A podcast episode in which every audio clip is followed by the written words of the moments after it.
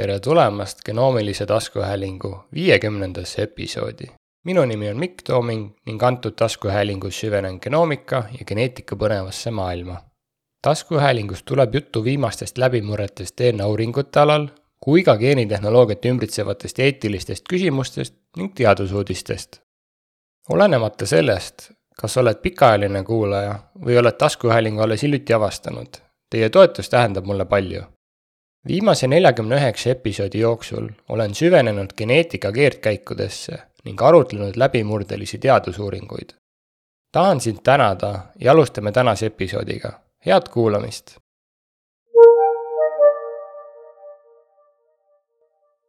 Tartu biotehnoloogiafirma Icosagen Cell Factory võitis Eestis aasta ettevõtte ja aasta uuendaja auhinna oma teed rajava töö eest sealhulgas Covidi vastu võitleva ninasprei väljatöötamise eest. tunnustused anti üle auhinnagalal Eesti parimad ettevõtted kaks tuhat kakskümmend kolm, kus Icosagenit kiideti teaduspõhise panuse ja mõju eest tervishoiule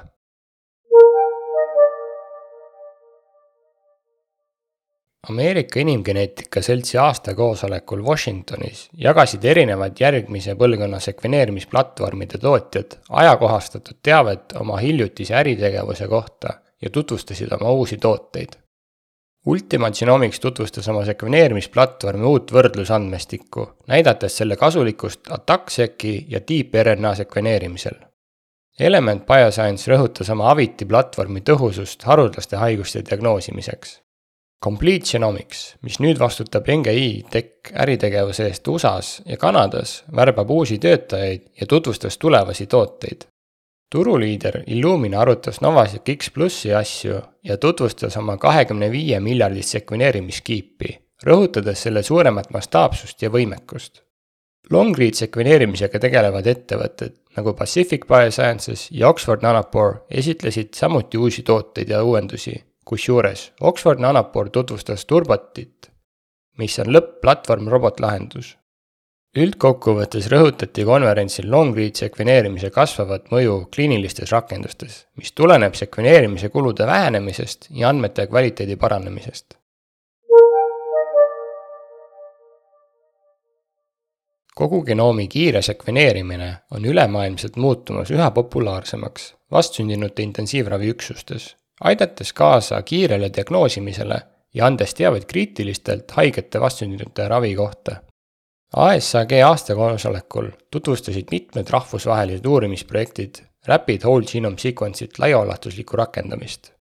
Jaapani projekt nimega Priority saavutas oma katseetapis neljakümne kaheksa protsendilise diagnostikamäära, mis laienes teises etapis umbes üheksakümne üheksale uuele meditsiiniosakonnale Iisraeli beebibämmi programm, mis käivitati kahe tuhande kahekümne esimesel aastal, näitas viiekümneprotsendilist haigust põhjustavate variantide tuvastamise määra vastsündinud patsientidel, kusjuures kaheksakümmend kaks protsenti neonatoloogidest teatas muudatustest ravijuhistes.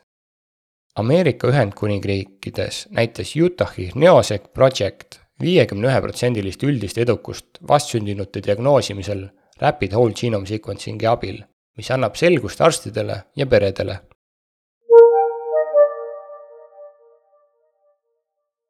Combined Brain Consortium on käivitanud kontseptsiooni tõendava uuringu Find Out, et parandada haruldaste geneetiliste arenguhäirete diagnoosimist kolme kuni kaheteist kuu vanustel imikutel, kasutades kogu genoomi sekveneerimist.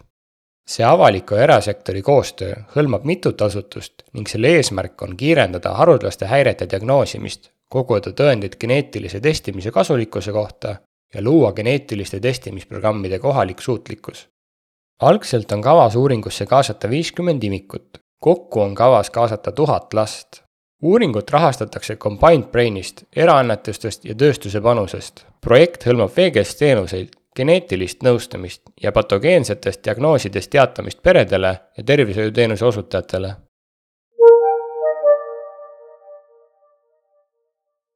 Toronto uurimisrühma hiljutises uuringus leidsid nad seose spetsiifiliste vähimuutuste, mida nimetatakse stop-gain muutusteks ehk SGM-ideks ja sellise keskkonna või elustiili faktorite vahel nagu suitsetamine, kokkupuude reaktiivsete radikaalidega ja ühe spetsiifilise ensüümi aktiivsus.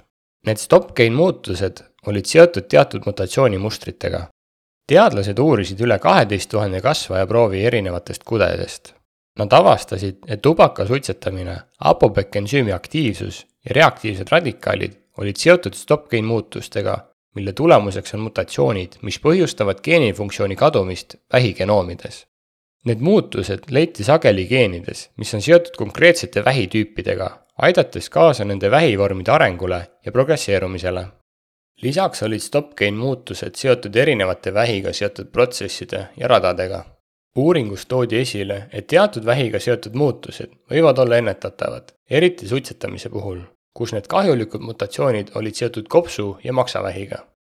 lisaks tuvastasid teadlased ApoBec C3A ensüümi rolli rinnavähi ja teiste vähivormide puhul, mis võib aidata mõista vähi arenguga seotud molekulaarseid radasid kokkuvõttes annab see uurimus olulise ülevaate vähimuutuste põhjustest, nende mõjust konkreetsetele geenidele ja radadele ning nende võimalikku mõjust vähidiagnostika ja ravi arendamisel.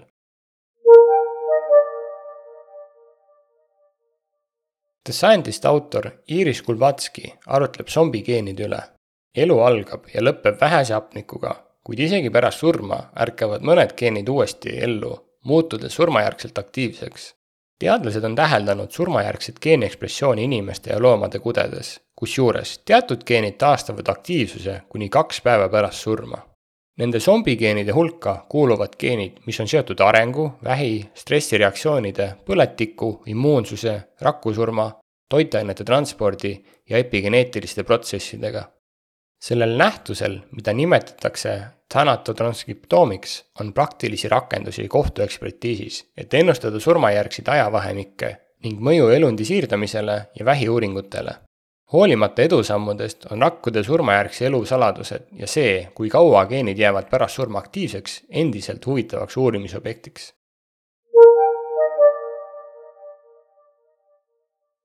Oxford Nanopore Technologies on sõlminud uurimispartnerluse Genomics Englandiga, et käsitleda diagnoosimata haruldaste haiguste juhtumeid. projekti rahalisi üksikasju ei ole avalikustatud. Selle koostöö raames kavatsevad nad nanopooride sekveneerimise abil analüüsida kuni seitsme tuhande viiesaja proovi saja tuhande genoomi projektis osalejatest, kellel on erinevad geneetilised või kahtlustatavad geneetilised häired. Projekt on osa laiemast multioomilisest uuringust, mida juhib Genomics England, mis hõlmab genoomikat, transkriptoomikat, epigenoomikat, proteoomikat ja metaboolseid analüüse haruldaste haigustega patsientide proovidest, kelle diagnoosimine on osutunud keeruliseks. uuringu eesmärk on leida uusi diagnoose osalejatele, kellel on veel diagnoositud, osaliselt diagnoositud osalejate geneetiline iseloomustamine ja pärilikkus perekondades ning tuvastada variandid, mis jäid lühikese lugemisega sekveneerimistehnoloogiate abil kahe silma vahele. lisaks on programmi eesmärk luua akrediteeritud labori töövood ja andmeanalüüsi pipeline'id, et toetada nanopooride sekveneerimisega genereeritud inimese kogugenoomi järjestuse andmete kliinilist kasutamist. sekveneerimine hõlmab kõigi proovide kogugenoomi nanopooride sekveneerimist, kusjuures alamhulk läbib ka täispika RNA sekveneerimise analüüs hõlmab geneetilisi variante ja DNA metüülimist, sealhulgas nii üksikuid proove kui ka duo-trio perekondi. Eurofins Genomics pakub sekveneerimisteenuseid, kasutades Oxford Nanopori suure läbilaskevõimega sekvenaatorit nimega Promethean nelikümmend kaheksa ja uusimat Q kakskümmend pluss sekveneerimisskeemiat.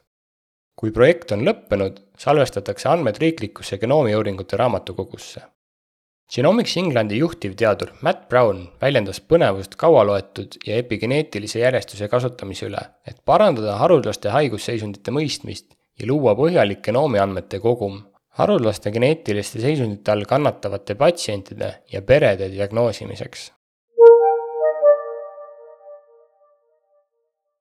erinevate institutsioonide teadlased koostöös ettevõttega Pacific Biosciences on moodustanud ülemaailmse konsortsiumi nimega Hi-Fi Solves, et uurida Hi-Fi sekveneerimise kasutamist haruldaste geneetiliste haiguste analüüsimisel.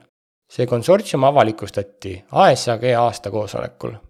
Selle konsortsiumi eesmärk on arendada ja jagada parimaid tavasid PacBio Revio sekvenaatori kasutamiseks kliinilistes rakendustes konsortsiumisse kuulub viisteist genoomika uurimisasutust üheteistkümnes riigis, mis on jagatud piirkondlikeks osadeks Euroopas, Põhja-Ameerikas ning Aasia ja Vaikse ookeani piirkonnas. Peamised eesmärgid on hinnata, kas hi-fi genoomid võivad asendada traditsioonilisi teste ja tuvastada hi-fi genoomide abil täiendavaid diagnoose diagnoosimata juhtudel.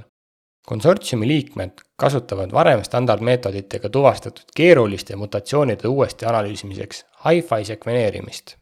see analüüs hõlmab erinevaid tüüpi geneetilisi variatsioone lisaks plaanib konsortsium teostada Revia platvormil ligikaudu kolmsada haruldaste haiguste proovi kogu genoomi järjestamist.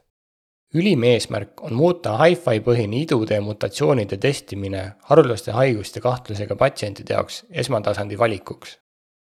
kulude vähendamine ja läbilaskevõime suurendamine on selle eesmärgi saavutamiseks hädavajalikud. teadlased rõhutasid ka vajadust täiustatud andmeanalüüsi tööriistade järele, eriti struktuurivariantide jaoks kuigi PakPio on peamiselt teadusuuringute platvorm, on konsortsiumi eesmärk demonstreerida oma potentsiaalseid kliinilisi rakendusi ja töötada välja laboris välja töötatud teste haruldaste geneetiliste haiguste jaoks. PakPio toetab kliente kliiniliste testide väljatöötamisel ja valideerimisel, keskendudes samal ajal uurimistöö platvormidele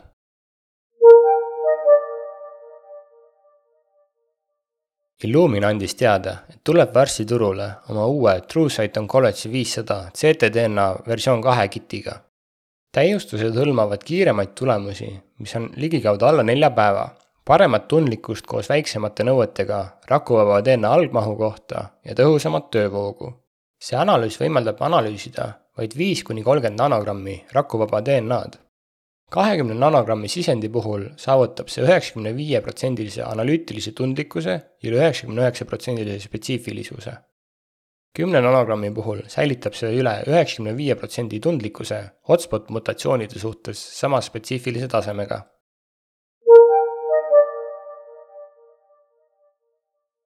Kiagen ja Element Bioscience teevad koostööd, et pakkuda järgmise põlvkonna sekveneerimise töövooge Element Aviti süsteemi jaoks Kiagen pakub valideeritud Kiasec paneele ja integreeritud bioinformaatika lahendusi, et laiendada oma kliendibaasi.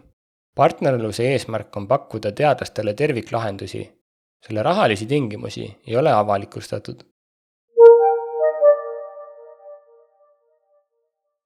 Oxford Nanopore Technologies on omandanud Kanada biotehnoloogia firma Northern Nanopore Instruments mis on spetsialiseerunud odavatele ja täpsetele tahkete nanopooride tootmisele.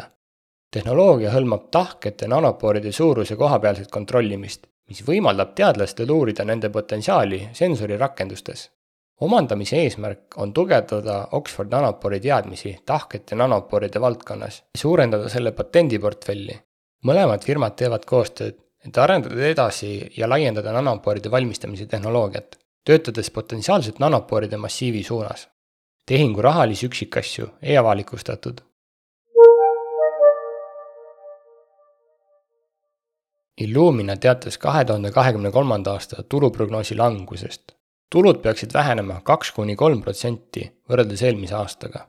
Illumina kolmanda kvartali majandustulemused kajastuvad ühe koma kaheteist miljardi dollari suuruse konsolideeritud tulude muutmatusest seitsmesaja viiekümne nelja miljoni dollari suurusest puhaskahjumist ja aktsia hinna neljateistprotsendilisest langusest reede hommikul.